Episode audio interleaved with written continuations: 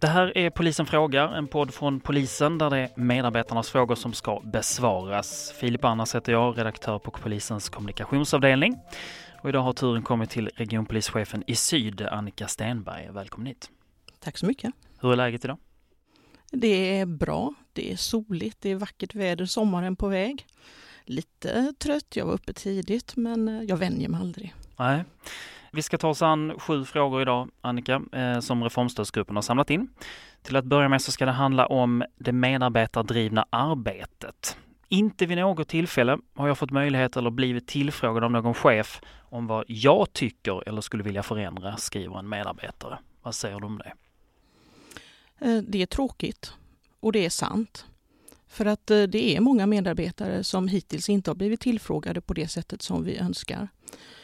Om vi tittar på aktivitetsplaneringen som har varit eh, inför 16 och kanske till och med nu inför 17 så har inte tillräckligt många medarbetare blivit involverade. Och det måste de bli, det ska de bli. Och vi planerar för det i hela landet. Varför tror du att det ser ut så, då, att man inte har blivit eh, tillfrågad? Jag tror att eh, delvis att vi inte riktigt har hunnit med. Utan att det har blivit att chefen kanske har gjort aktivitetsplaneringen själv. Tittar vi framåt så måste vi involvera våra medarbetare på ett helt annat sätt. Både i aktivitetsplaneringen, för det hela vårt styr, vår styrmodell bygger på det, men också i det dagliga arbetet. Hur medarbetardriven kan man vara inom polisen då? Man kan vara väldigt medarbetardriven, i alla fall i vår framtid. Vi, har inte, vi är inte där ännu, vi har inte kommit så långt, vi har haft för mycket att göra. Men eh, som jag ser det så har man två jobb. Man har det arbete man gör dagligen och man har arbetet att förbättra det. Att vi hela tiden blir lite bättre eh, imorgon än vad vi var idag.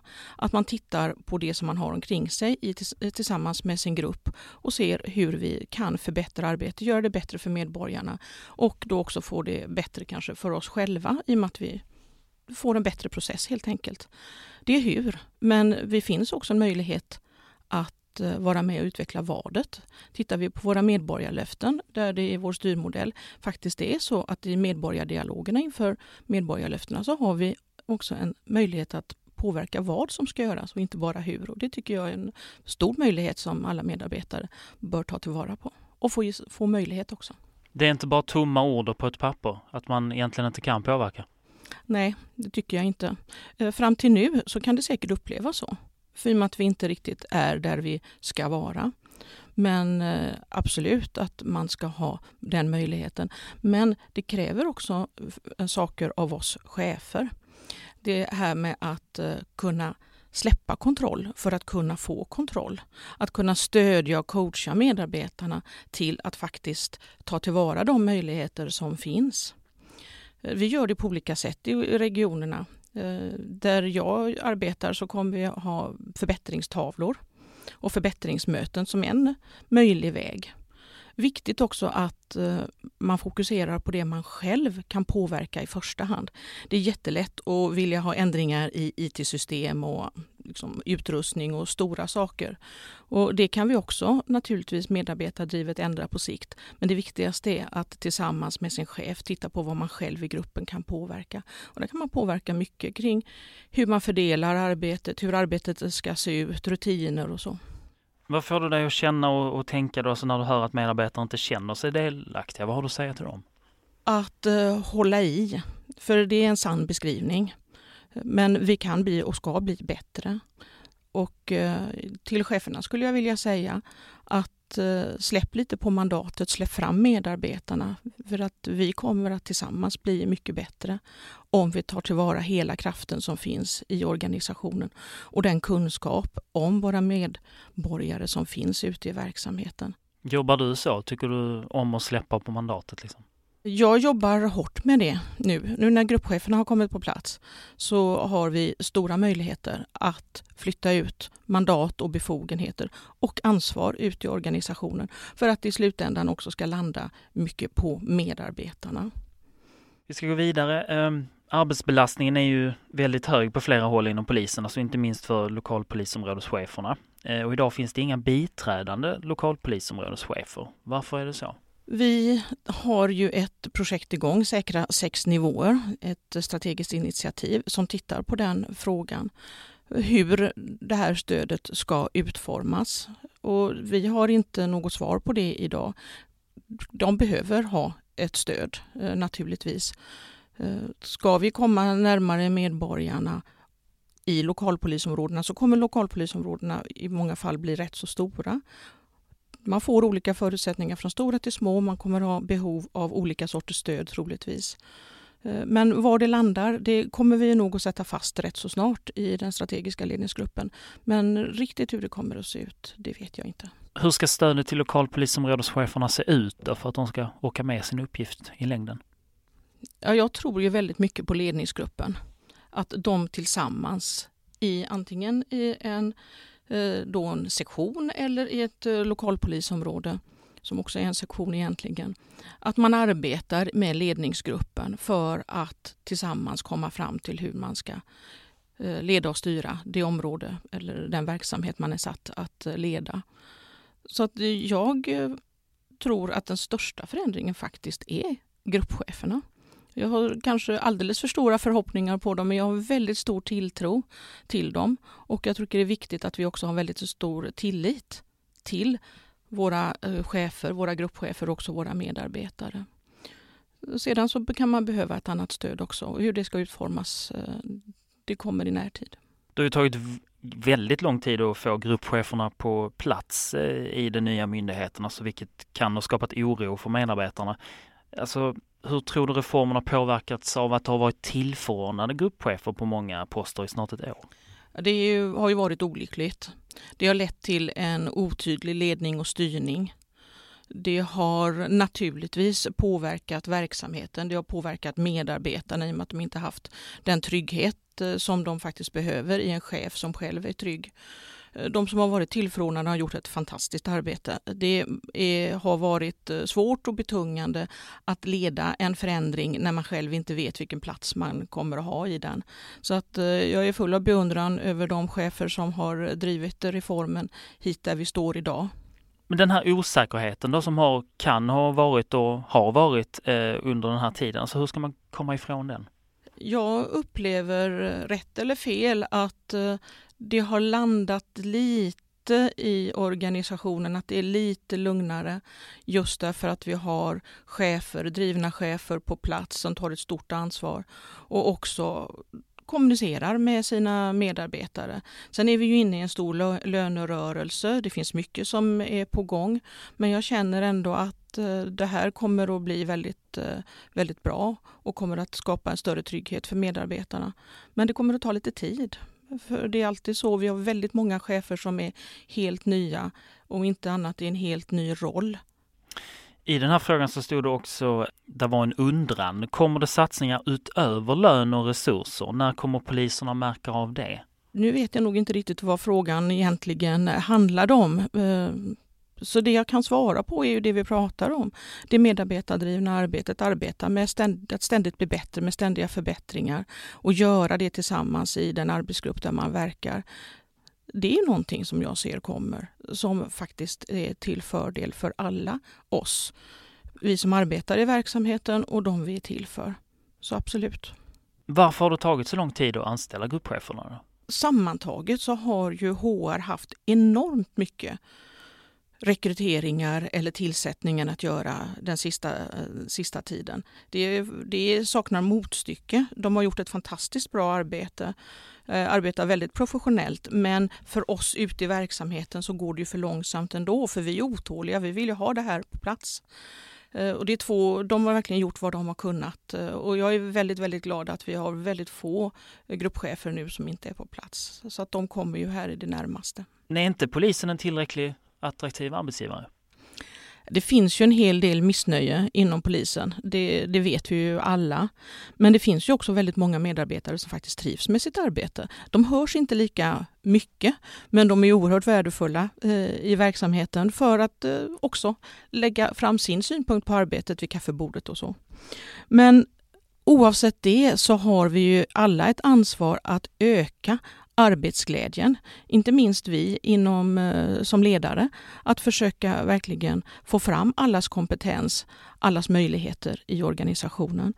Och jag vill att vi alla ska vara stolta över att vara polisanställda och ha en stolthet över att vi arbetar inom Polismyndigheten och att vi är företrädare för svensk polis. En stolthet som matchar det höga förtroende som vi har hos allmänheten och våra medborgare. Men det är inget att ha märkt av att eh, polisen skulle vara en oattraktiv arbetsgivare när ni har rekryterat, som du sa, gruppchefer till exempel? Nej, och nu när vi till exempel eh, rekryterar civila utredare, arrestvakter, eh, receptionister, sånt som vi håller på med just nu. Vi har mängder med sökande.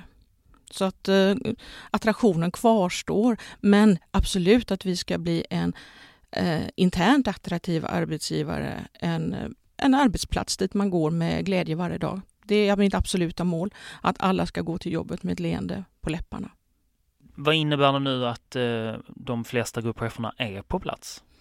För mig personligen så känns det att nu har vi fått strukturer. Vi har fyllt strukturer med människor.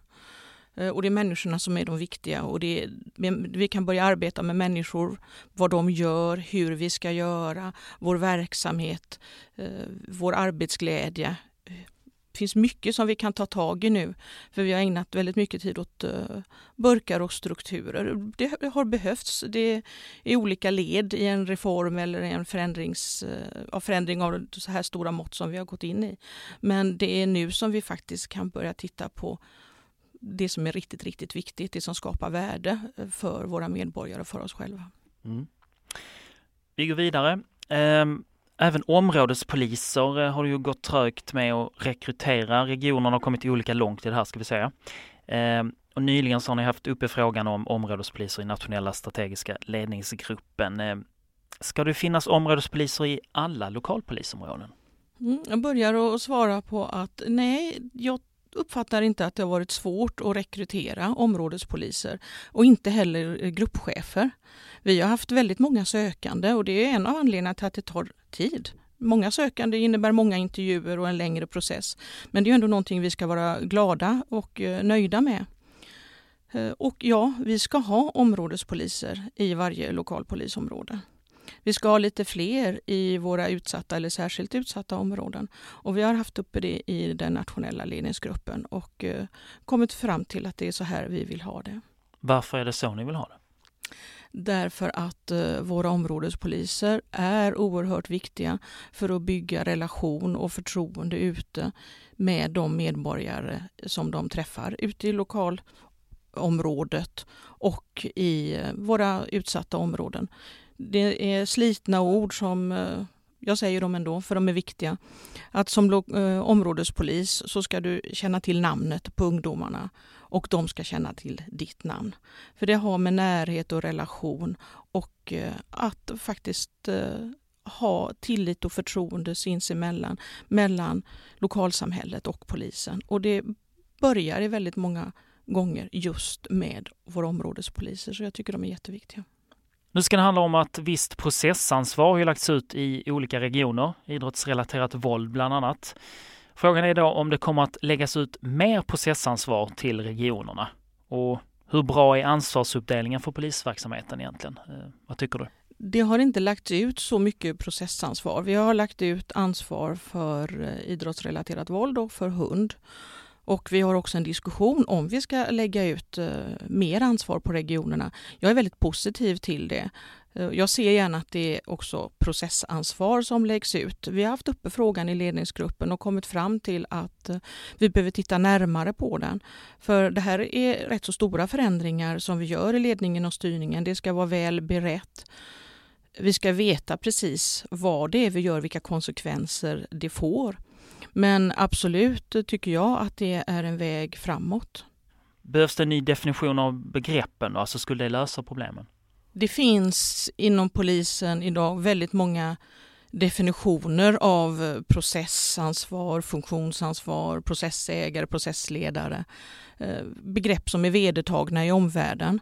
Så vi behöver bottna i vad är det vi menar med de här begreppen vad, vad innebär de egentligen? På vilket sätt skulle det påverka vår styrning? Vilka konsekvenser får det för våra strukturer? Så absolut att vi behöver öka vår, vår insikt och vår förmåga kring de här begreppen. Ja, det behöver vi. Men är det bara till godo att lägga ut dem i olika regioner så kan det inte bli att man kommer längre ifrån varandra på det sättet? Det är en farhåga man kan ha. Det finns också farhågor att det här skulle leda till eh, att det blir mer centraliserat och mindre medarbetardrivet. Sen är det en fråga om hur man gör det men jag har i alla fall arbetat eh, kring att det har då getts väldigt stora befogenheter ut till medarbetare längst ut eller längst fram i verksamheten. Så att eh, jag är väldigt förhoppningsfull kring att det skulle kunna öka involveringen i myndigheten. Mm, så att jag ser fram emot det. Sista frågan Annika, den handlar om funktionsansvaret hos de nationella avdelningarna. Eh, tycker du att det fungerar bra eller finns det tankar på att förändra den nuvarande ansvarsfördelningen i förhållande till eh, regionerna? Det finns inga sådana tankar här och nu. Eh, jag är positiv till att vi har de nationella avdelningarna. Jag har också arbetat i verksamheter där det här har fungerat alldeles utmärkt. De nationella avdelningarna är ju inne också i ett reformarbete och försöker hitta sin roll i verksamheten. Eh, och så vi har, vi har en hel del barnsjukdomar, det har vi. Eh, det jag skulle vilja säga är att det handlar väldigt mycket om förhållningssätt. Det är för det första för regionerna så måste vi inse att vi har inte det mandatet längre.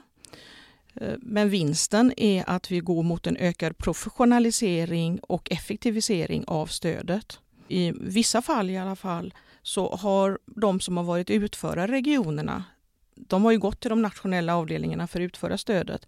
Men istället för att vara utförare där har de blivit beställare och beställer av oss som då inte har några utförare kvar. Så det handlar väldigt mycket om ett förhållningssätt där man ser sig som stödjande och inte som styrande eller beställande. Men det låter ju ganska ineffektivt. Alltså hur, hur får man bort eh, det?